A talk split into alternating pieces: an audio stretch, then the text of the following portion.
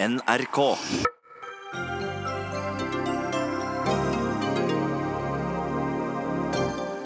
Norge visste for lite om situasjonen i Libya før de bestemte seg for å delta i militæroperasjonen i 2011, konkluderer rapport. Norge bør unnskylde seg overfor det libyske folk, mener partiet Rødt. NTNUs eh, nye kampanje for å engasjere studentene engasjerer også ansatte. En av dem skriver f.eks. at den er hårreisende, uakademisk, tømt for innhold, platt og dessuten tøysete bruk av våre felles penger. Har demokratiet spilt fallitt når vi ti år etter gjeldskrisen har enda høyere gjeld? Det spørsmålet stiller sjeføkonomen i Sparebank1, som også konkluderer med at dagens demokrati underminerer bærekraften i samfunnet. Hva mener hun med det? Og nå som EU ikke lenger er opptatt av å ha et skille mellom sommer- og vintertid, hva gjør Norge? Regjeringens egen tidsstatsråd kommer til Dagsnytt 18.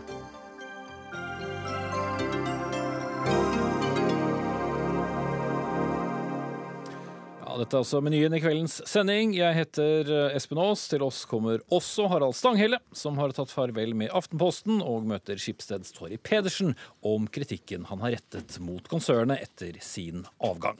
Men eh, dagens eh, store sak er utvilsomt det som Norge bestemte seg for å gjøre i 2011, nemlig å delta i militæraksjonen i Libya. Norske politikere hadde for lite selvstendig kunnskap om Libya da de besluttet å være med. Det konkluderer et utvalg som har gått gjennom det norske bidraget som førte til Muammar Gaddafis fall. I løpet av noen veldig hektiske vårdager bestemte regjeringen og de parlamentariske lederne på Stortinget seg for å sende kampfly for å hindre at sivile ble drept av Gaddafis regime.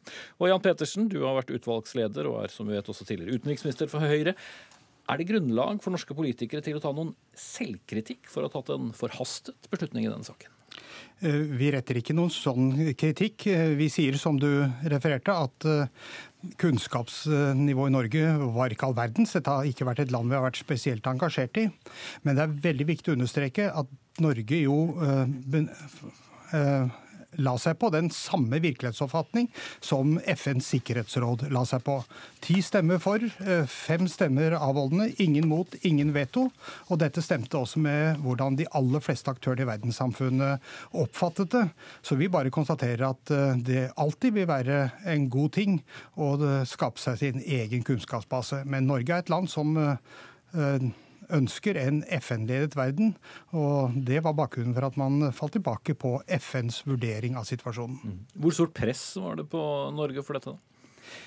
Jeg tror situasjonen, nemlig faren for at det skulle eh, menneskeliv gå tapt, eh, eh, de militære aksjonene som var der fra Gaddafis side, er klart at det var et press. Man så at man hadde veldig dårlig tid, og det var grunnen til at det var en veldig rask prosess. Vi sier at det var klart at det var et folkerettslig grunnlag for det man gjorde. Vi sier at de konstitusjonelle kravene ble oppfylt i Norge. Vi sier at det var et eh, at man hadde arbeidet med det nødvendige grunnlaget for beslutningene, og konsultasjonene med Stortinget var slik de skulle være. Mm. Som jeg også nevnte innledningsvis, eh, så ble jo dette tatt av regjeringen sammen med de parlamentariske lederne, og, hurtig skjedde også. Var dette en sak som hele Stortinget burde vært med på? Jeg tror det er en veldig god ting at vi i Norge har et system hvor regjeringen tar beslutningene, at de konsulterer nært med Stortinget, og at vi har et eh, gjennom den utvidede utenriks- og forsvarskomiteen, og at vi har et system som gjør det mulig for Norge å snu seg raskt og ta beslutninger. For dette var jo tidskritisk, eh, og det la regjering til grunn. Men vi skal også huske på en ting, at det har ikke vært fullt så raskt som mange tror. For mange sier at dette var en aksjon som ble vedtatt eh, på SMS, som det heter. Nei, det var ikke det. Den formelle beslutning ble tatt i statsråd 23.3 på den formelle måten det skulle gjøres på. Og de av regjeringsmedlemmer som måtte være uenig i beslutningen, de skulle ha ført dette til protokolls. Det er Grunnlovens krav. Ingen gjorde det. Og derfor var dette hele den rød-grønne regjeringens eh, beslutning om å gå til denne militæraksjonen. Mm. Og det er en militær aksjon, det var ikke en krig. Eh, jeg brukte det, det uttrykket. Det, krigsbegrepet er en eh, gjennomgående debatt, og du vil se av eh, vår rapport at vi jo kritiserer tidligere statsminister fordi at han nok på et enkeltpunkt uh, sa i Stortinget ting som ikke stemmer helt med det Forsvarsdepartementet sa. Det dreier seg ikke om selve krigsbegrepet, men det dreier seg om statusen for soldatene. Men poenget var uh, det samme, nemlig at dette er en væpnet konflikt. Og den sto den rød-grønne regjeringen enstemmig bak. Mm. Espen Barth Eide, nå stortingsrepresentant fra Arbeiderpartiet, men var da statssekretær i Utenriksdepartementet da beslutningen ble tatt. Hvor dårlig tid følte dere at dere hadde? Jeg vil først få lov å si at jeg syns det er en veldig god rapport. Jeg syns utvalget har kommet med en grundig og god analyse. og Dette er viktig at man gjør sånne lærdommer. og Jeg er også veldig glad for det Jan Pettersen sier, nemlig at uh, dette var skjedde på veldig ryddig konstitusjonelt vis og innenfor trygge folkerettslige rammer. Uh, men så er det riktig som du sier, at det skjedde jo raskt. Uh, og det var jo fordi at denne situasjonen i Libya utviklet seg veldig raskt. Vi hadde jo uttrykt betydelige reservasjoner lenge mot om det var riktig å gå inn militært. Men så kom altså altså Sikkerhetsrådet, egentlig ganske overraskende for mange av oss, både i øst og vest, til denne enigheten den 17. mars, eh, sent på kvelden norsk tid, klokken fem amerikansk tid. Og da skjønte vi veldig fort at vi som legger så stor vekt på at eh, Sikkerhetsrådet er den endelige autoritet i sånne saker, måtte forholde oss til det på en annen måte enn vi har gjort dagene før. Og det ble da ganske raskt besluttet at dette skulle vi eh, delta i, hvis vi altså hadde den støtten som var nødvendig i, i, i Stortinget. Og dette ble gjort på ordentlig måte. Så det var raskt, men det var også nødvendig. fordi slik situasjonen... Ja, nødvendig, Hadde dere god nok informasjon til å konkludere med at det var nødvendig? Altså, jeg tror ingen noen gang skal si at de hadde god nok informasjon. For du, du bør alltid tilstrebe å få så mye du kan, og, og, og, og da er man alltid begrenset av hva som er tilgjengelig. Eh, men men som utvalget riktig sier, syns jeg, eh, vi opplevde jo at vårt bilde av situasjonen i Libya stemte veldig vel overens eh, med det som da Sikkerhetsrådet kom til, altså hele Sikkerhetsrådet eh, kom fram til. Eh, og, og, vi la det til grunn, at den vurderingen den er tillagt Sikkerhetsrådet. Det er ikke det enkelte medlemsland som skal ha ekspertise på alle spørsmål. Du må selvfølgelig stå inne for det du gjør, men det mente jeg at vi kunne. Og det mener jeg fortsatt at basert på den informasjonen vi hadde da, så var det riktig å, å ta en rask beslutning. Fordi at vi opplevde at eh, vi sto overfor en potensielt veldig dramatisk eskalering av situasjonen. Hvis Gaddafis styrker kom inn i Benghazi, så ville det kunne medføre betydelige overgrep mot sivilbefolkningen eh, og mot dette, eh, dette den alternative regjeringen der borte. Og hvis man ikke stoppet dem før de kom inn i byen, så ville du få en, krig, en bykrig som er veldig mer brutal enn det å angripe militære styrker på vei over gjennom ørkenen. Så det var en tidskritisk situasjon, og det var bare to utfall. Det var ja eller nei. Det var ikke tja og seminar. Så da måtte vi ta en beslutning. Vi falt ned på ja. Mm. Eh, vi brukte så vidt eh, ordet lærdom her. Eh, hvilke lærdommer trekker dere etter eh, å ha sett innholdet i, i rapporten? Hva, hva, skulle dere som satt i regjering gjort annerledes? Altså jeg, jeg, tror først og fremst at, eh, at, eh, det er et godt poeng fra, fra, rapporten at man kan ha enda mer notoritet. Altså, det er et fint ord for å skrive ned det man gjør. altså, ta, ta, altså Ha en dokumentasjon på grunnlaget for alle beslutningene. Var, den var tilstrekkelig, sier utvalget, det er enig. Men, men, det kunne man godt gjøre mer av. Det tror jeg er en, en, en god idé, for å si en ting. Så så har jeg lyst til å understreke at så vidt jeg oppfatter denne debatten, er det ikke den store debatten om Libya i verden og hva som skjedde etterpå. Eh, der kan man si mye. Mm. Eh, det er, det er diskusjonen om hva Norge, gitt tilgjengelig informasjon i mars 2011, skulle gjøre og kunne gjøre, og, det mener jeg er dokumentert på en god måte. Mm. Eh, Snorre Valen, nestleder i SV, med oss fra Trondheim. Du var utenrikspolitisk talsperson for SV i 2011, og som del av den rød-grønne regjeringen så støttet dere også denne deltakelsen. Er det noe dere angrer på i dag? Først må jeg si at Jeg var ikke utenrikspolitisk talsperson. Så vidt jeg vet, så satt jeg i energi- og miljøkomiteen. Men eh, jeg er nestleder i SV. Du skal ta det tungt opp med researcher etterpå. Ja. ja. Eh, men jeg mener det er åpenbart at sett i ettertid og gitt de tingene vi vet nå, så er det for det første åpenbart at det som ifølge FN-mandatet skulle være en aksjon for å beskytte sivile, ganske raskt ble til en bombekrig for regimeskifte. Eh, det mener jeg er veldig uheldig.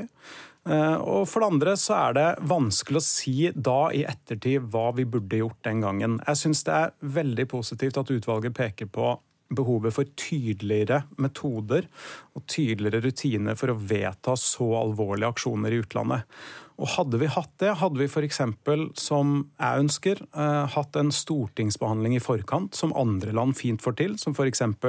Danmark, så hadde vi også kanskje fått besvart flere av de spørsmålene og danna mer av det faktagrunnlaget som etterlyses av, eh, av utvalget. Men hvor stort press uh, følte det da, både for så vidt innad i regjeringen, men også fra opposisjonen den gangen, som jo også fulgte med på nyhetsrapportene fra Libya? Nei, altså Hva slags press vi følte innad i regjeringa, er nok jeg feil person til å svare på. Eh, men det er klart at på den tida så var det jo en veldig oppmerksomhet av de nært forestående overgrepene mot sivile som mange frykta, og det var også et veldig tydelig FN-mandat som lå til grunn. Og jeg tror jo at med denne evalueringa her, og med evalueringa av Afghanistan-krigen, så må vi ta med oss to ting. Det ene er at de 8500 soldatene som har tjenestegjort i Afghanistan, og de som tjenestegjorde i denne krigen, de trenger og de fortjener å vite at det er et solid og grundig mandat de har i ryggen når de drar ut. Jeg mener både erfaringene etter Libya-krigen og evalueringa viser at ikke alle norske politikere med hånda på hjertet kan si at det har vi. Det er alvorlig, for vi skylder både verden rundt oss og norske soldater å gi et tydelig og gjennomarbeida demokratisk mandat. og Derfor bør denne typen saker til Stortinget. Mm. Det andre er, hvis jeg bare kan si en ting til eh, Hvis det er kort? Ja, da kan det vente. Ok, Vi kommer helt sikkert tilbake til det. Det var langt, altså. Kristian Berg Harpeggen, forsker ved Institutt for fredsforskning. Du uh, har jo vært veldig skeptisk til denne deltakelsen i, i Libya. Hva sier du i dag etter å ha sett rapporten? Nei, jeg er jo veldig begeistra for at Norge har nedsatt et utvalg og faktisk gjort en grundig gjennomgang. Og jeg syns eh, utvalget har gjort en god jobb i å ta opp eh, sentrale eh, prinsipielle problemstillinger knytta til Libya-intervensjonen. Så det syns jeg egentlig vi skal tillate oss å feire i dag. Og det er ikke så veldig mange andre av våre allierte land som har gjort tilsvarende øvelser. Så det er verdt å understreke. Um, når det gjelder selve rapporten, så er det jo mange ting man kan diskutere der. Eh, jeg syns den eh, som sagt gjør en god jobb, men hvis vi går inn på de konkrete problemstillingene, f.eks. kunnskapsgrunnlaget, så er det nok eh, helt riktig som rapporten påpeker, at Norge hadde et for svakt kunnskapsgrunnlag. Men der rapporten kanskje er litt snill, er jo ikke problematisere det faktum at én ting visste man veldig godt i Norge. Og det var at hele beslutningen lå, hvilte på et meget svakt kunnskapsgrunnlag. Man visste med andre ord at våre allierte hadde heller ikke det kunnskapsgrunnlaget. Sikkerhetsrådet hadde heller ikke det kunnskapsgrunnlaget. Og det førte jo til at man i ytterste konsekvens ble sårbar for en grad av manipulasjon av enkeltgrupper i Libya som hadde en interesse av nettopp det som skjedde. Mm. Men eh, ja, Pettersen og Freud også Barth Eide, var, var, det litt for lett å, å, la seg lede? Ville alternativet ved å stå imot vært verre? Jeg, jeg, satt midt oppi dette, og det veld, dette er de tyngste og vanskeligste beslutningene man kan ta. Jeg kan si at både daværende utenriksminister Støre og statsminister Stoltenberg og, og, og forsvarsminister Farmo og jeg selv og alle vi som satt i det, tok dette på det dypeste alvor. Og vi var veldig klar over at dette var et valg mellom onder. Det var det onde som heter eh, vi engasjerer oss ikke og ser hva som skjer på bakken. Og det andre onde som er at man må bruke tøffe midler for å prøve å påvirke situasjonen i annen retning. Og vi hadde jo da også helt åpent og tydelig i Stortinget gitt uttrykk for at i, som hovedprinsipp var slike politiske endringer komme innenfra å være organiske, altså bæres fram av folket selv uten eh, ekstern intervensjon. Men så oppstår det altså noen i de dagene før noen, helt, noen, noen ganske overraskende utviklingstrekk. Både situasjonen på bakken, som vi kan gå inn i hvis vi har tid til det, men også det at altså du får et, eh, et tydelig sikkerhetsrådsmandat som er sjelden sterkt. Altså alle nødvendige midler for å beskytte sivile, det brukes veldig sjelden. Det hadde vi ikke ventet, men det må vi tillegge vekt. Og vi valgte å tillegge det betydelig vekt. Eh, og det, selvfølgelig hadde verden ikke et fullverdig beslutningsgrunnlag, men det, det samme kan du si om Rwanda og Srebrenica. Det er helt andre situasjoner. den første til å si det. Men der er jo liksom den allmenne konsensus at det var feil å ikke gripe inn. Det mener liksom alle forskere og eksperter at vi burde ha grepet inn. Det kunne jo også gått galt, men det vet vi ikke, for det gjorde vi ikke. Og Det er jo en veldig viktig del av den hvordan vi som var med på dette, liksom har vokst opp med eh, trauma etter det vi ikke gjorde da. Mm -hmm. Eh, når Harpviken ber om debatt, så må jeg si at ja, det er nettopp hele poenget med denne rapporten. Vi er ikke en granskningskommisjon som skal fordele ansvar og skyld og det ene med det andre. Vi skulle uh, vurdere det norske bidraget i 2011. Og jeg tror måten vi har skrevet dette på, gir grunnlaget for debatt hvor det sikkert kan være forskjellige synspunkter, og denne kommer til å gå videre i, i Stortinget. Og da tror jeg man vil se at det var eh, ganske mange fra de som stemte for dette, som også sa at her var det egentlig bare ganske vanskelige um, beslutninger, uten egentlig valget mellom en god løsning og en dårlig løsning. Og, og, og det er ja, Bjørnar Moxnes, eh, du fikk jo ikke være med å mene noe om det den gangen, for da var ikke Rødt på Stortinget. Det er dere i dag. Eh, ville det vært bedre å la det være? I hvert fall så bør vel eh, bevisbyrden ligge på de partiene som går inn for å slippe løs bomberegn over et annet land, som da et samla storting for øvrig gikk inn for i 2011. Og når vi ser konsekvensene uh, som krigen har fått uh, på bakken uh, i Libya altså Vi var jo i realiteten luftvåpenet til islamistiske terrorgrupper som vi bombet fram til seier i Libya. Vi har fått tilbakekomsten av slaveri, altså mot mørkhudede afrikanere i Libya, drevet av disse militsene som Nato var alliert med. Og vi har fått enorme sivile lidelser som følge av krigen mot Libya. Så bør vel kanskje de partiene som gikk inn for dette, eh, ha en viss eh, større ydmykhet. Og det er også en forskjell naturligvis på denne rapporten og den som det britiske parlamentet fikk, som var noe mer eh, krystallklar også på opptakten til krigen, og på at det ikke forelå noe belegg for det som var hovedpåskuddet for krigen. Når det er sagt, så er nok det viktigste for vår del at vi både trekker lærdommer og at vi undersøker litt skikkelig um, om den norske bombinga kan ha vært i strid med folkeretten og ført til folkerettsbrudd. Fordi Petersen her har jo selv sagt at det uh, har ikke skjedd. Så husker vi at oberstløytnant uh, Dag Henriksen han sa at norske fly angrep såkalt sensitive mål, som selv ikke erfarne krigsnasjoner ønsket å, å bombe pga. stor fare for å drepe sivile. Så jeg har et spørsmål til Pettersen, og det er egentlig hvilket belegg han har eh, for å kunne hva skal man si, eh, gå god for at ikke norske, norsk, norsk bombing har ramma sivile i Libya. Jan Pettersen. Eh, vi har ikke garantert noe. Vi har sagt at hva som er helt overveiende sannsynlig, og det er at humanitærrettens eh, krav eh, er oppfylt. Og det er liten indikasjon på at dette ikke er riktig. Men vi hadde jo ingen på bakken i, Libya, og det hadde heller ingen andre. Så, så derfor jeg bruker de ordene jeg har, bruker. Men jeg tror man skal være uhyre forsiktig med å antyde noe annet. Har, dette er vår, vår beste vurdering, rett og slett.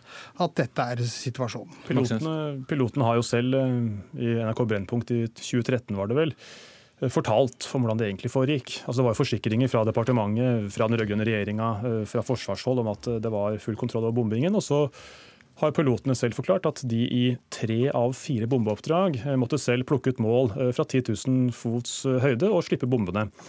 Over tett befolka områder hvor andre erfarne krigsnasjoner lander det røde kortet i operasjonssentralen på Kypros, ikke ville bombe, mens Norge under da Aps ledelse la det grønne kortet inn. Så dette er jo interessant.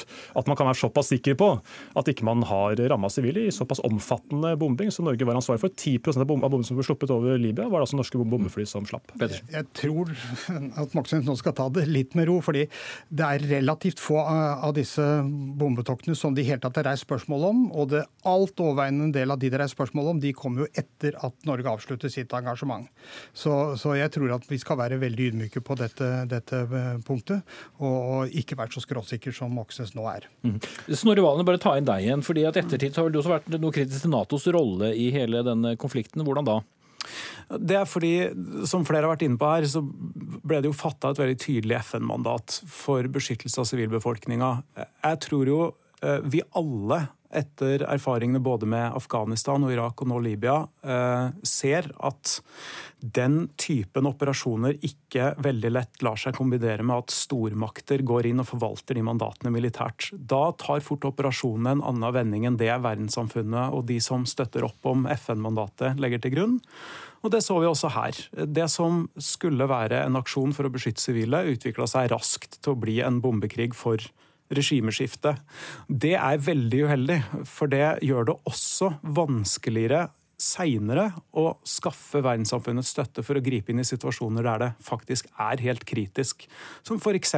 som Barth Eide var inne på i et framtidig eventuelt Srebrenica eller, eller Rwanda.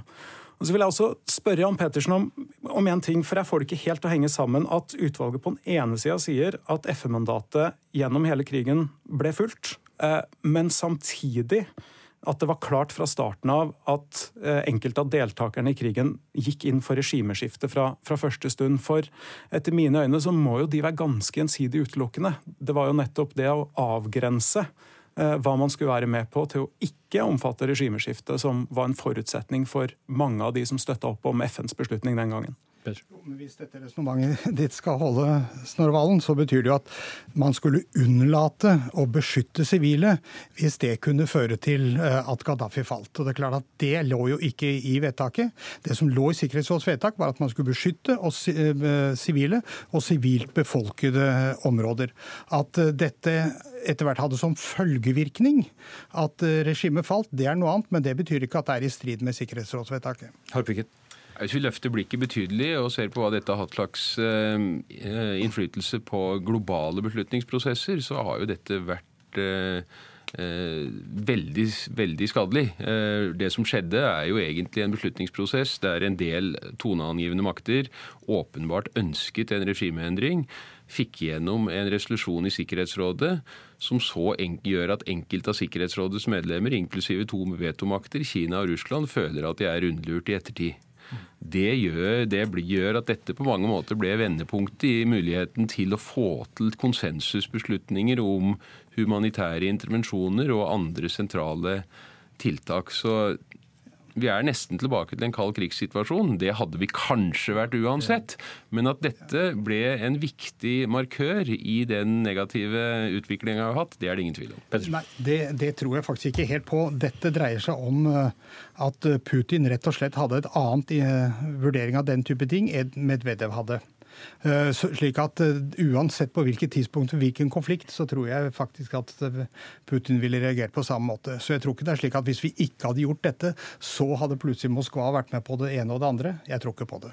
Jeg vil spørre deg om en ting, Espen Barth Eide. Fordi at Svein Harberg, altså partifelle av Jan Petersen, som sitter i kontrollkomiteen, sier nå i dag at Stoltenberg bør forklare seg om de juridiske vurderingene som han la frem den gangen. Er det helt OK? Det virker jo litt underlig hvis det skulle være basert på denne rapporten, for det er vanskelig å lese akkurat det ut av den. Men eh, ja, det får andre svare på. Det har ikke jeg sagt. Jeg ikke... Men derimot så vil jeg bare si at vi, vi ønsker rapporten både det at den fins, at den er nedsatt, og at den er kommet og er så god ja. som den er, er veldig bra. Det men, nevnte du. Eh, viktige punktet jo, men, Ja, jeg, skulle, jeg vil, vi har litt liten tid, så jeg vil gjerne ha en Moxnes en gang til. Det viktige punktet her, som vi egentlig er enige med Høyre, er jo at eh, det kan framstå som at vi hadde en statsminister som hadde en slags privatpraktiserende forståelse av hva som er krig etter folkeretten, hvor altså han gir én versjon til Stortinget, at det ikke er eh, krig vi deltar i. Mens Forsvarsdepartementet, som det da framgår av rapporten, har en eh, litt, litt diametralt omvendt syn. Så Kanskje kan jo Barth Eide nå på direkten avklare. Eh, han var jo i, regjeringsapparatet om man egentlig mente det var en krig til folkeretten, eller om det ikke, ikke var det. Ja, altså det, det, altså dette er jo en offensiv militær operasjon etter kapittel 7, altså det kraftigste virkemidlet FN har. Det er kutyme for å si at når det er FN som står bak, så pleier man ikke å kalle det krig. Men det er det samme som, det er jo, eh, det er jo praktisk alt det samme som krig, fordi at det er også et angrep på, eh, på en stat, men med et klart formål. Men det er altså noen folkerettslige nyanser når det er autorisert av FN. Men det er ikke noe mindre. Det er bare, dette er jo hvor juridisk man vil være eller ikke. Ja. Jeg, må, jeg, må, faktisk eh, si stopp der, for nå vil jeg ha inn eh, Kristin Solberg eh, her også, som er vår Midtøsten-korrespondent. Og vi må jo også snakke litt om situasjonen i Libya i dag, Kristin. Og hvordan vil du beskrive den etter Gaddafis fall?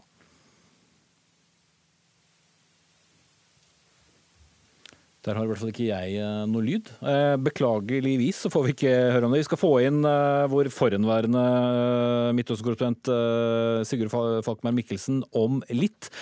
Men Harpeken, dette er vel ting du også kan svare på? Situasjonen i, Libya i dag, altså hva, hva har Gaddafis fall egentlig ført til?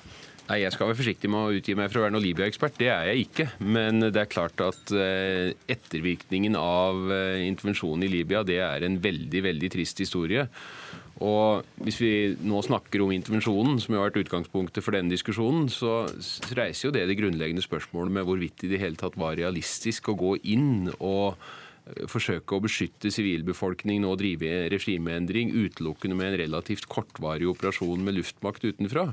Jeg tror svaret på det spørsmålet er nei, det var ikke realistisk. Og det hadde man egentlig ganske gode holdepunkter for å se. Men igjen, kunnskapsgrunnlaget, forståelsen av hva slags aktører man hadde med å gjøre på bakken, var begrenset. Og det var nok en for stor optimisme litt sånn knytta til euforien i den arabiske våren, som gjorde at man trodde at her hadde man virkelig en bred, folkelig, god organisert bevegelse som var i stand til å ta ansvar. Her visste jo også visste etterretningen også at det også fantes viktige deler av opprørsfronten som man var fullt klar over at var islamistiske terrorister med bånd til Al Qaida i Nord-Afrika. Så det var jo også indikasjoner på og bevis på uh, at det her var noe ganske annet enn nødvendigvis eh, det folkelige opprøret som er sett i andre land. Så igjen tilbake til velge mellom to onde. Jeg vil si at uh, det Harpviken sier her, er veldig relevant. fordi jeg tror at Når vi skal lese hele historien om både Afghanistan og Irak Eh, og, og, dette og andre intervensjoner, så er jo hovedregelen at det er fryktelig vanskelig.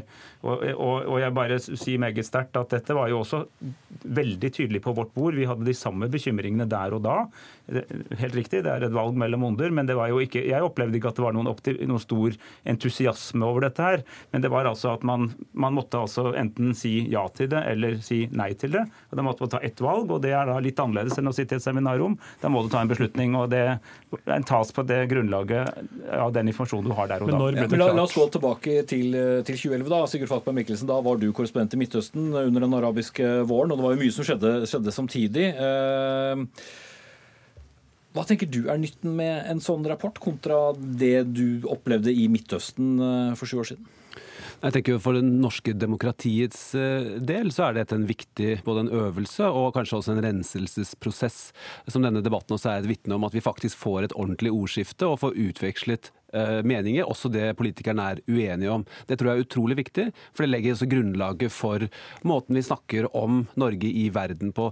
Så Det er nå den biten. Men så er det også sånn at uh, folk velger jo også deler av virkeligheten som passer uh, deres politiske grunnsyn best. Og jeg må si at jeg har sittet i Libya med islamister som var veldig fornøyd med bombingen, men jeg har også sittet med veldig veldig mange vanlige middelklassefolk som var veldig optimistiske, veldig glad for at Nato grep inn. Etter... Ja, da Vi så jo bildene også med da de tok Gaddafi ut på åpen gate. Ja da, og det var feiring, og det var, det var massivt. Så det, så det, var ikke sånn at det, at det, altså, Som i enhver uh, situasjon hvor virkeligheten er satt på spissen, så, så vil du ha veldig mange varianter av den fortellingen om hvordan ting gikk. Men det som er den dype dype tragedien her, er jo hvordan det har gått i etterkant. Eh, for det har vært et sorgens kapittel. Ja, og Kristin Solberg, da har lyden stått oss bi, tror jeg, og du er med oss igjen. Eh, hvordan kan, vil du beskrive situasjonen i, i Libya nå etter Gaddafis fall? Eh, Libya er jo i dag et land som er preget av vold, lovløshet, eh, militsstyre og mye usikkerhet og fortsatt eh, konflikt. Eh, landet er i dag i praksis delt i to. Eh, det er en FN-støttet regjering i Tripoli i vest, og så er det en rivaliserende, rivaliserende makthavere i øst. I tillegg så foregår det militskamper, rivaliserende militser som kjemper mot innflytelse. Det så vi bare nå nylig, eh, der det var kamper i hovedstaden Tripoli mellom to ulike militsgrupper, og over 60 mennesker ble drept. I tillegg så er det jo også en eh, statskollaps og en økonomisk eh, kollaps. Da jeg var i Tripoli eh, i Libya før jul i fjor, var det timelange køer foran minibankene. Det var mangel på strøm, vann, jobber. Slik at den økonomiske hverdagen var også mye verre for folk flest. Og de fleste jeg snakket med da, sa at livet var mye bedre under Gaddafi. Det gjaldt også dem som var imot Gaddafi, som ønsket eh, denne bombingen velkommen da den kom i 2011, men som nå har endret mening. Jeg snakket med bl.a. med en advokat som sa verdenssamfunnet etterlot Libya i et kaos. Og han oppsummerte det mange libyere mener i dag. Mm. Takk skal du ha, Kristin Solberg. Helt til slutt, uh, Sigurd Falkberg Mikkelsen. Uh, hva, hva, kan vi lære fra denne prosessen? Etterpåklokskap er nå sin vitenskap. Det andre vi kan gjøre, er å skrive rapporter, og det er det man har gjort her. ja. Nei, altså, det, Der jeg tror i hvert fall for Norges del debatten blir mest interessant, er uh, på den konstitusjonelle siden. Skal det være sånn, sånn som noen Eh, krefter eller noen, noen, politiske partier tar til orde for at beslutninger den, av denne typen skal innom Stortinget, eller ikke, sånn som hørte Jan Petersen mene at det er en mer effektiv måte å drive utenrikspolitikk på. Det tror jeg blir en veldig spennende debatt. Og så tror jeg vi får en ordentlig debatt i Stortinget om det er om det folkerettslige grunnlaget.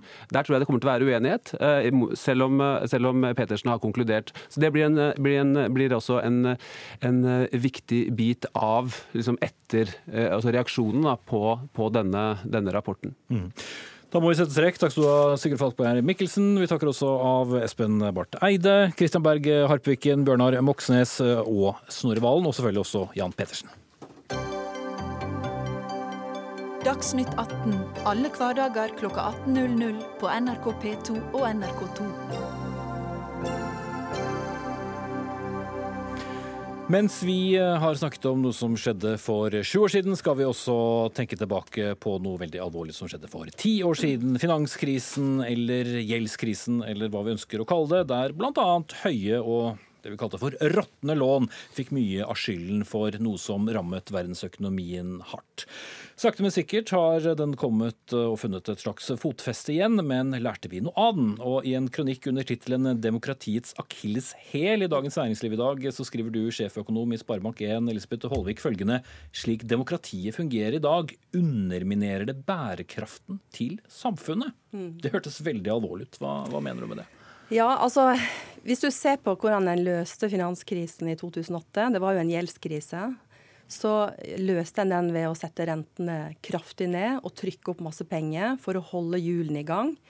Og Tanken var jo at sentralbankene skulle gi politikerne litt handlingsrom til å innføre mer vekstkraftige strukturelle reformer.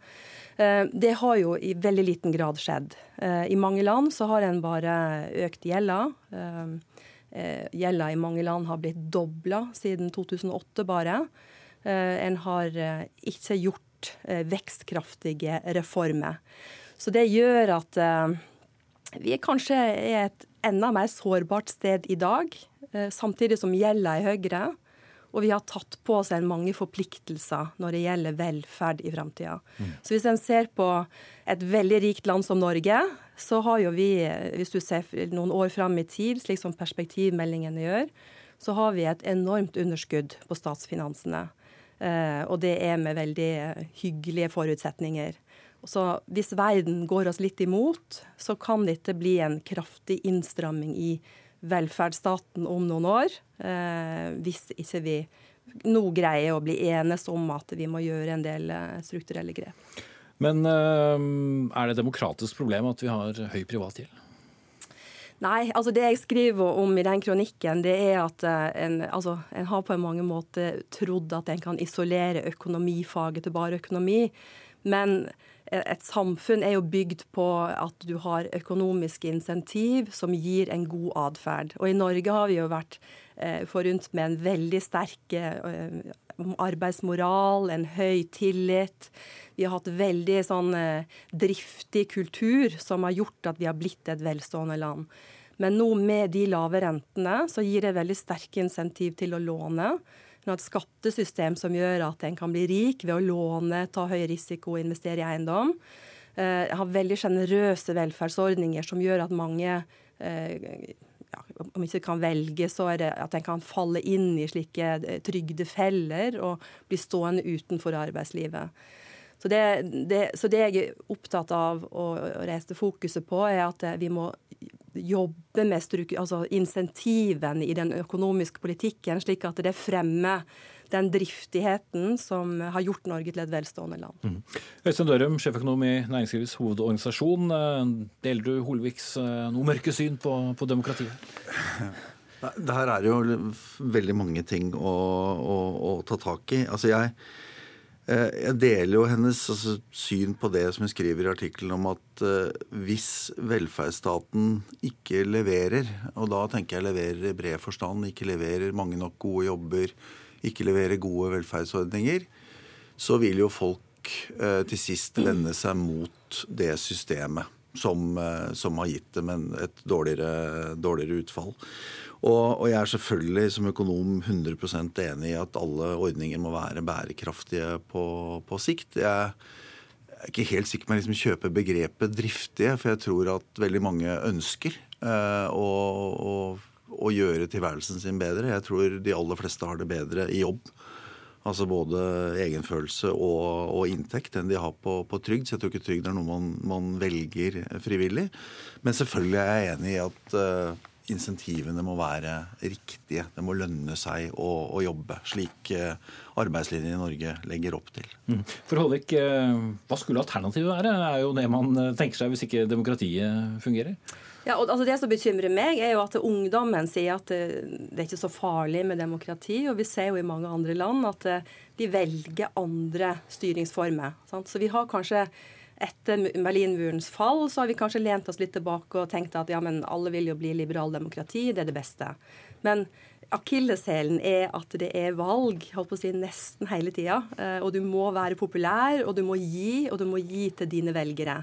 Og det skaper en sånn dynamikk at det og særlig når da Det mangler rett og slett et ansvar. altså alle, alle, vil gjøre seg populære, og alle vil ha noe å gi, men eh, du gjør deg ikke populær og strammer altså, inn hvis det er det ja. du trenger. Og Det er litt sånn allmenningens tragedie. At eh, i, i, en familie så greier du liksom å, å tenke på, på, eh, fellesskap og ta ansvar og, og, og, kutte i kostnader og hvis det behøves. Men hvis du ikke har den tilliten og lojaliteten til dine, de som du på en måte er i samfunnet med, så hvorfor skal du da gi hvis du ikke får? Sant? Det blir en mye mer sånn direkte kobling til at jeg og min gruppe skal få.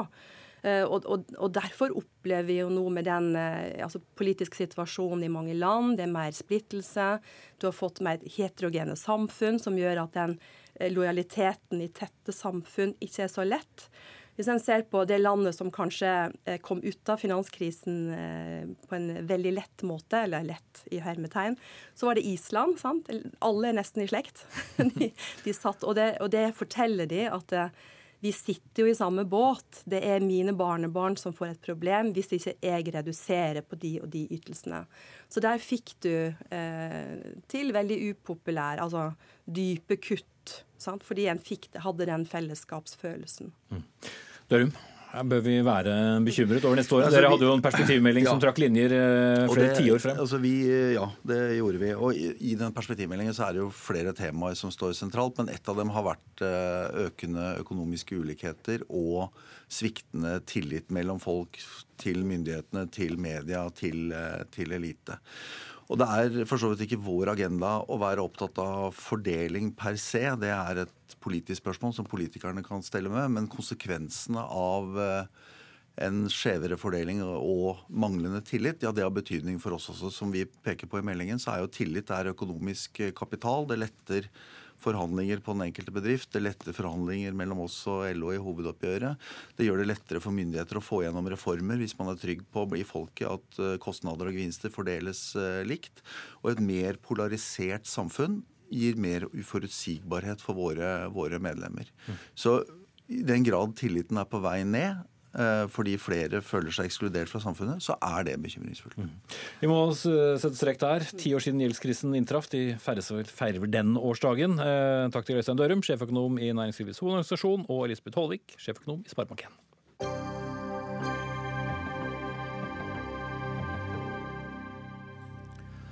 Challenge yourself, challenge democracy, challenge hunger, challenge genetics, challenge everything. Det kunne kanskje hørtes ut som eh, åpningen på filmen Trainspotting, i hvert fall en variant av den. Men nei, dette er NTNUs nye studentkampanje. Iallfall eh, ordene som er å finne på diverse postere, hvor studenter blir oppfordret til å ja, utfordre alt. Og det som nå brettes eh, ut over store deler av landet, har da som formål å nå de unge fremtidige studentene. Men eh, som nettstedet Krono skriver, så reagerer en del ansatte negativt på kampanjen. Og Aksel Tjoras, du er professor i sosiologi ved NTNU og styremedlem der også, og valgt inn for de vitenskapelige ansatte. Eh, du har kalt dette hårreisende, uakademisk, tømt for innhold, platt og dessuten tøysete bruk av vår felles penger. Dette skrev du på Twitter. Eh, ja, du ble i hvert fall utfordret til å mene noe her? Ja, altså jeg synes jo det er helt rimelig å utfordre ledelsen her, da. Eller ledelsesbeslutning, eller challenge to management, som sikkert ville ha sagt. Uh, og jeg tenkte akkurat det samme, det er morsomt at du refererer til Trainspot, men jeg tenkte akkurat det samme. liksom Man løper panisk og tenker alle ting man skal forholde seg til. da. I tillegg til de ordene du nevnte, så kan man jo si pompøst, brautende, vulgært. Og det som, er, det som er store problemet her, det er på en måte at man føler veldig sånn nedover i fagmiljøene at man ikke spiller på lag med oss. Altså man, man spiller på lag med reklamebransjen heller enn fagmiljøene. Så på en måte det, det er en veldig sånn ja, Man føler at det er en veldig sånn trøblete markedsføring av NTNU, når en del av oss faktisk bruker veldig mye, av vår intellektuelle kapasitet altså på, på kritisk samfunnsanalyse, så kommer man med veldig sånn overfladiske eh, slagord som jeg syns eh, ja, resonnerer egentlig liksom dårlig med, med, hva vi har eh, å gjøre nedover i, eh, i universitetssystemet. Ok, Bjørne Foss, eh, prorektor ved NTNU. There's your challenge.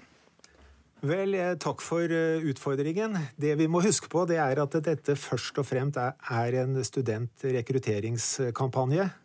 Vi ønsker å nå unge mennesker, og vi ønsker å ta opp noen viktige spørsmål i vår tid som på en måte inviterer til kritisk refleksjon. Og du tenker kan... dette gjorde det? Ja, vi mener det. Og hvis du først for oss å diskutere litt formen her Altså, Kampanjen er nok litt lite akademisk og lite litt lite nyansert i formen, og det er faktisk med hensikt. Det er ikke alltid slik at en akademisk språk nødvendigvis er det beste virkemidlet for et universitet. Så her har vi valgt en eh, kompakt form, kall det gjerne et reklamespråk. Og dette her er ikke helt tilfeldig. Altså, vi har kvalitetssikra dette på forhånd i forhold til målgruppen med veldig godt resultat i samarbeid med Norfakta. Så vi, så vi, mener vi står på trygg grunn i forhold til formen. Ja, Tjora, du er jo akademiker og ikke en som skal bli student. Er du rette til å trille terning over dette? Eh, ja, absolutt. For eh, jeg har jo med, med studentene å gjøre. Jeg har eh, altså, per dags dato på en måte helt ferske studenter. Jeg har som er 200 studenter i sosiologi som starta på, på, på nytt studium i høst. Og de studentene som jeg er interessert i å tiltrekke meg, det er jo de som er motivert ut fra en type kritisk samfunnsanalyse. Jeg er ikke sikker på at det er de studentene som på en måte trigger seg med en sånn Så Det er godt mulig man når en del ungdom, men de ungdom som jeg vil ha i min forelesningssal, det er de som trigges av andre ting enn sånne overfladiske slagord som man her har dratt fram. Da. Som f.eks. hva da? Nei, altså, eh, altså, Jeg mener at man skal bruke penger i kommunikasjonsavdelingene rundt omkring på universiteter og høyskoler til å informere om virksomheten vår. Altså, de må gjerne komme inn og filme mine forelesninger og de diskusjonene vi har med våre studenter.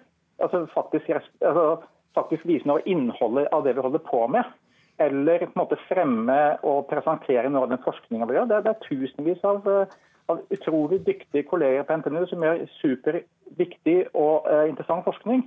Hvorfor ikke presentere det i stedet for et sånn overfladisk slagord? Så det blir sånn irritasjonsmoment nedover i systemet det er så mange av de vitenskapelig ansatte som på en måte irriterer seg egentlig ganske heftig over det her. Mm. Man føler at man svir av fryktelig penger på overfladisk kommunikasjon. Ja, Bjarne Foss, hvem tiltrekker du deg ved å skrive 'challenge' i diverse former?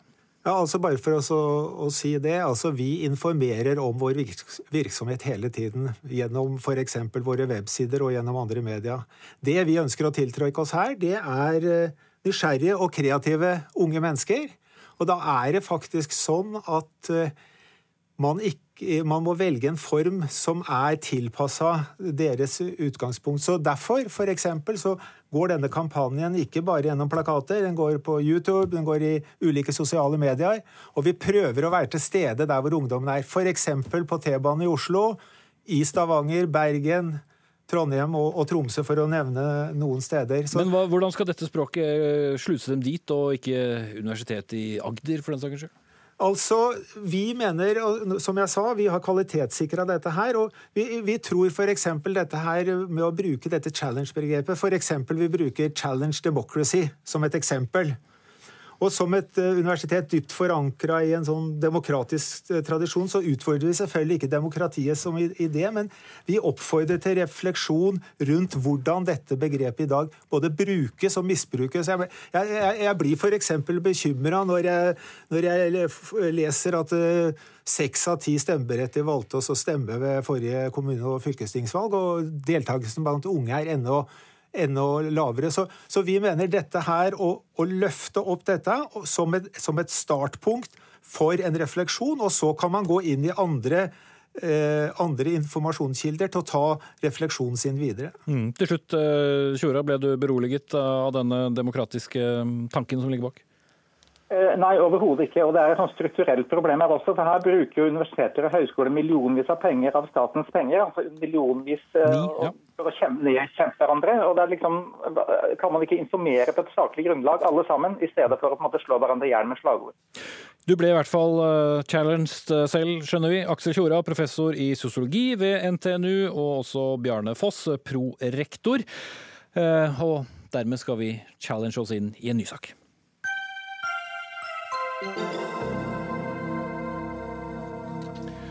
Skjønt eh, utfordringen eh, er det noen ganske andre enn eh, vi i NRK som kom med. For Harald Stanghelle, tidligere redaktør i Aftenposten, har gått ut av Skipsted, den Skipsted-eide bygningen, får jeg kanskje si, på sin siste dag, da han takket for seg i Aftenposten, som igjen da er eid av dette mediekonsernet.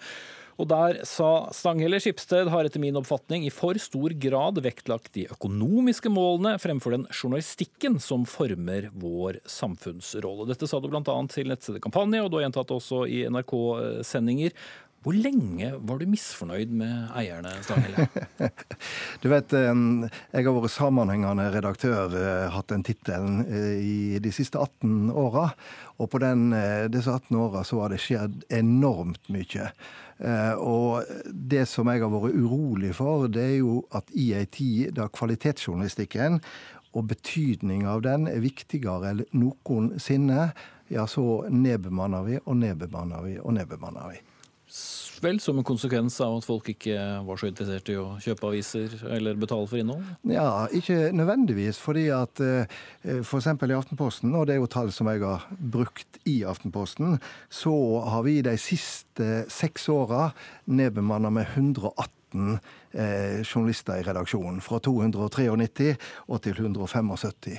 Og Samtidig så har vi levert store overskudd til Skipsted.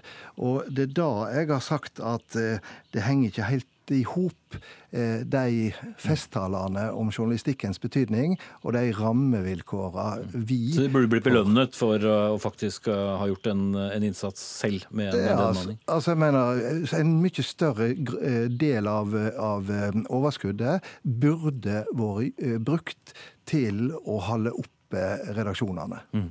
Torje Pedersen, du er jo direktør i, i Skipsted og tidligere sjefredaktør i en annen Skipsted-avis, nemlig VG. Hva sier du til kritikken fra Stanghelle her? Ja, nå har jeg lest og lyttet til og kjent Harald siden slutten av 80-tallet, og jeg syns alltid at han har resonnementer det er verdt å diskutere, selv om jeg ikke alltid er helt enig med han. Den debatten jeg føler han prøver å reise nå, er jo om man eh, med utgangspunkt i behovet for kortsiktige kostnadstilpasninger har svekket muligheten for å lykkes i en digital økonomi hvor konkurransen er helt annerledes. Og For å svare på det så vil jeg si har Skipsted vært kirurgisk presise i sin tilpasning? Eh, selvfølgelig ikke. Ingen er det, for det er utrolig vanskelig å treffe helt riktig. Har eh, den nødvendige kostnadstilpasningen vært drevet av kortsiktige eh, behov for overskudd? Til det kan jeg si absolutt ikke. Og det kan jeg si fordi at jeg de siste fem-seks årene har sittet som observatør i Skipsteds konsernstyre og fulgt debattene. Og eh, fått innsyn i hvor langsiktig de egentlig tenker, og hvor mye penger de f.eks. investerer i Eh, teknologisk utvikling, hvor det er brukt hundrevis av millioner. Og til slutt så er jo spørsmålet har denne kostnadstilpasningen vært nødvendig.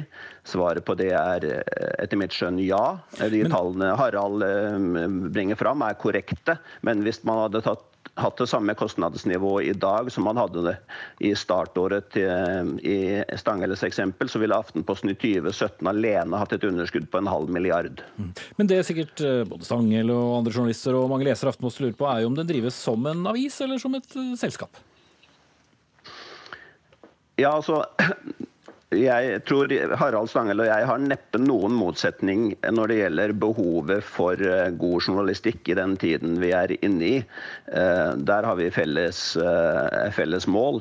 Jeg, men poenget er jo at Skipsted er et kommersielt selskap, det trenger vi ikke å underslå. Jeg tror også at det over tid er viktig at man tjener penger på den type virksomhet. Og så er det en, alltid en legitim debatt. Er timingen og graderingen av tilpasningen riktig? Det syns jeg er en legitim debatt. Jeg vet ikke helt hva du svarte på der, men eh, jeg slipp stangen, Stanghelle. Altså, Schibsted er et stort selskap. Det er det største medieselskapet i Norge. Det er et børsnotert selskap. Men det er også et selskap som begynte som eh, der det viktigste var å være eier av Aftenposten og VG og en del andre aviser. Eh, og så er blitt mer og mer et såkalt classified selskap, altså småannonseselskap. Og det er den delen som er blitt viktigere og viktigere. Og det er en utvikling som eh, er der, og som kan være bra for Skipsted. Men det er en fare som er grunn til å advare mot hvis den katedraldelen av dette blir mer og mer en filial av det store. I sommer så ble det levert rekordresultater eh, fra Skipsted totalt, men så ser vi at det gjenspeiler seg ikke i de rammevilkårene som avisene får. Og det er der jeg velger å rette en advarsel eh, til en så viktig eier som Skipsted, og sier at de har et enormt ansvar for å ivareta kvalitetsjournalistikken i dette landet. Det er nesten ingen andre som er i stand til det så, eh, så eh, kraftfullt som de kan være. Og da går det ei grense for hvor mye du kan nedbemanne eh, journalister som skal levere journalistikken. Ja, Pedersen, hva, hva gleder deg mest? Dybde og analyse i avisen eller annonseinntektene? Nei, jeg tror det er eh, Det ene henger sammen med det andre. Eh, Det har alltid vært slik at eh, kommersiell medievirksomhet over tid har måttet tjene penger. Det er riktig som Harald sier at Aftenposten i denne perioden har hatt en et overskudd på 8,8 eh, årlig i såkalt margin. Det er ikke skyhøyt. Men jeg er enig i at det er viktig å investere i muligheten for å drive viktig journalistikk eh, fremover. Og det føler jeg at Skipsted eh, grunnleggende sett har som ambisjon. Men er du mørk til sinns, eh, Stanghelle? Altså, det er alltid fint å se på tall, men altså, eieren av Aftenposten viser jo til rekordhøye abonnementstall. Folk har begynt å ta seg betale, eller ville betale for kvalitetsjournalistikk, så det er vel ikke helt bare mørke? Nå er, det, nå er det ganske lett for en vestlending, vestlending som meg å dyrke tungsinnet. Eh, men jeg ser, jo, jeg ser jo at eh, i Aftenposten har vært foretatt en formidabel digital snuoperasjon de siste åra. Eh, og så ser jeg at eh, det er ei flott avis med flotte folk som leverer resultater. Men jeg er bekymra når jeg ser på de stadig snevrere rammevilkårene som vi får fra eiere og konsern. Eh, Dette har jeg skriftlig og muntlig gitt uttrykk- for overfor konsernledelsen i, i flere år. Nå fant jeg grunn til å si det offentlig når jeg ble spurt om eh, grunnene til at eh, jeg skal gjøre andre ting de kommende åra, forhåpentligvis. Og fått gjentatt det her. Takk skal du ha, Harald Stanghelle, og også takk til direktør i Skipsted, Torry Pedersen. Hør Dagsnytt 18 når du vil. Radio NRK Radio.nrk.no.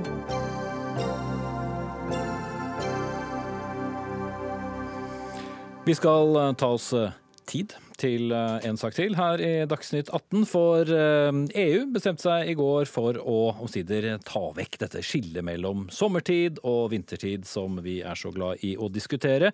Borgerne i EU deltok rett og slett i en avstemning, tenk det, hvor 80% svarte at ordningen med å stille klokken er topplig. President i EU-kommisjonen, Jean-Claude Juncker, bestemte seg derfor for å følge folkets ønske og lover å avskaffe opplegget. Altså, det kan være frivillig om du vil ha sommer- og vintertid. Dagsnytt 18-redaksjonen har ringt og ringt for å prøve å få tak i noen som er tilhengere av ordningen slik den er i dag. Der kom vi til kort. Men eh, Torbjørn Røe Isaksen, til vanlig næringsminister, du kan jo også smykke deg med tittelen tidsminister. Ja. Eh, det har jo ikke vært særlig populært eh, dette, og du er jo selv småbarnsfar og vet vel hvor gøy det er å, å stille barna. Skal, vi, skal vi slutte med dette nå? Det kan godt hende det, altså. Men så er det jo, det er jo sånn at i EU så er ingen prosesser så enkle som at nå er de ferdig. Så nå, skal det, nå har kommisjonen EU-kommisjonen foreslått dette, og så skal det gjennom Europaparlamentet, og så er det sånn at rådet, altså nasjonalstatene, skal også ha sitt å si. Eh, men, eh, men, hva skal vi gjøre? Jeg må ærlig innrømme at dette er en av de sakene hvor jeg har, jeg har ikke så veldig sterke meninger. Det står ikke noe om dette i regjeringserklæringa heller. Så, så, vi må vel liksom skule litt til Europa, da. For det er en viktig ja, må grunn vi det? Ja, i hvert fall er det naturlig å gjøre det. For en, en, et viktig argument for at vi skal stille klokka, har vært at vi skal være i pakt med det resten av Europa gjør. Og Hvis resten av Europa ikke gjør det, så faller i hvert fall ett viktig argument bort. Så er det jo alle de andre tingene. Da. Sånn får man litt mer dagslys, og kanskje har det noe med søvnmønstre og sånn å gjøre. Men øh, jeg har ikke sett noe veldig tydelig forskning den ene eller den andre veien på hva som er eh, fornuftig. Så dette er vel litt sånn smak og behag, tror jeg. Dagsnytt 18 hjelper deg. Ståle Pallesen, du er søvnforsker ved Universitetet i Bergen. Nå har du mulighet til å overbevise Røe Isaksen. Hva bør vi gjøre? En, eh, tid hele året? Ja, jeg mener vi bør eh, avskaffe den ordningen vi har med vintertid og sommertid, og gå over til én fast tid gjennom hele året. Og det er to hovedargumenter for å avskaffe den ordningen vi har. Den ene er at de antatte positive effektene som denne ordningen skulle ha, f.eks. at det skulle spare energi, eh, den effekten ser ikke ut til å kunne dokumenteres. I tillegg så har man etter hvert gjennom forskning vist at eh, overgangene til sommertid og vintertid eh, er problematiske. Eh, man antok utgangspunktet at folk veldig raskt tilpasser seg den nye tiden, men flere og flere studier viser at det kan ta opptil en uke, og noen ganger eh, lenger en uke, å tilpasse seg den nye tiden. Men det får en del negative konsekvenser for atferd. Bl.a. Eh, har det negative effekter på produktivitet, eh, det har negative effekter på helse osv. Eh, har det noe å si om man skulle velge det som er normaltid, eh, vintertid, eller eh, sommertid, hvis man skulle falle ned på noe her? Ja, det har en del å si. Hvis du går over til permanent sommertid, så blir det svært mørkt om morgenen om vinteren. Og Russland de eh, innførte jo, eller avskaffet denne ordningen i 2011 og gikk over til permanent eh, sommertid. Eh, I 2014 så gikk de tilbake igjen til permanent vintertid fordi de opplevde at det ble altfor mye mørke eh, langt utpå dagen om, om, vinteren. Så det har så, noe å si. Ja, eh, Men din anbefaling, da? Ja, Min anbefaling er at man går over til eh, permanent vintertid. I Norge, siden vi er lokalisert så langt nord, så vil det likevel være ganske mye lys om, eh, i sommerhalvåret om, eh, om, kvelden. slik at jeg ser ikke det helt store behovet for å ha sommertid, men heller innføre permanent vintertid. Mm. Det vil i så fall bety, hvis vi husker det riktig, å stille klokken én time tilbake og la den bli værende der siste helgen i oktober, Røe Isaksen. Men til det saklige argumentasjonen. Det høres jo ikke så dumt ut? Nei, og det, det, det, kan godt, kan godt hende. Jeg syns jo jeg syns jo at eh, det vi må gjøre nå, er å ha, ha, en diskusjon om dette, rett og slett. Dette er ikke noe verken jeg eller regjeringa har veldig bastante meninger om. Men det kan nok være mange i regjeringa og mange i Stortinget også som har ganske bastante meninger. Og da er det jo nettopp litt livssituasjon, litt hva man foretrekker. Men det kan også være noen samfunnshensyn her selvfølgelig å ta. Men, men jeg må, må også si at jeg har ikke sett noe nå har ikke jeg prøvd å lese all forskning som finnes på dette, altså, men jeg har ikke sett noen forskning som klarer å konkludere veldig sånn entydig på eh, verken produktivitetsvekst eller energisparing eller noe sånt den ene eller den andre veien. Men det er jo et godt argument f.eks. at eh, det å stå opp når det er bekmørkt, det er vel selv de av oss som er glad i å stå opp, ikke så glad i. Mm. Og alle vi som har spåbarn, jeg har en halvannetåring og en fireåring, vet at eh, det tar litt tid, ja før de kommer inn i nytt søvnmønster. Du valgte jo selv å gå ut på Facebook i dag og høre folks eh, mening, og de hadde mening? Det er veldig mange meninger. Dette er jo, det er jo noe som engasjerer folk. Jeg, jeg, er, jeg husker sånn da, da, jeg var liten, så tenkte jeg at dette her var en slags sånn naturlov. at sånn var det, Men vi har jo ikke hatt dette lenger enn siden 1980. Noen vil jo si at det er veldig lenge, men det er tross alt ikke så lenge i den store sammenhengen. Det er veldig mange som har meninger om det. Eh, et argument som eh, var om vi skulle berøve fremtidige generasjoner den disiplinen som ligger i å huske på å stille klokka. Men nå er det jo sånn at vi alle går rundt med disse her, og de stiller seg jo selv. Han tok så, opp en telefon for dere som eh, hører ja, på radio? Ja, nettopp. En telefon. Så, så, akkurat den opplevelsen av å få disiplinert seg i hverdagen, den er vel borte uansett. Skuddsekundene, eh, bør vi tenke på de også?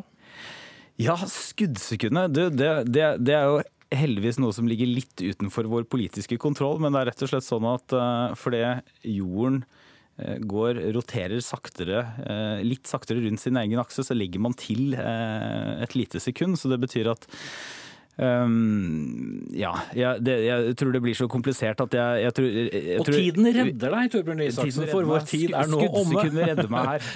ansvarlig for Dagsnytt 18 i dag var Anne Katrine Førli, teknisk ansvarlig Hanne Lunås. Jeg heter Espen Aas.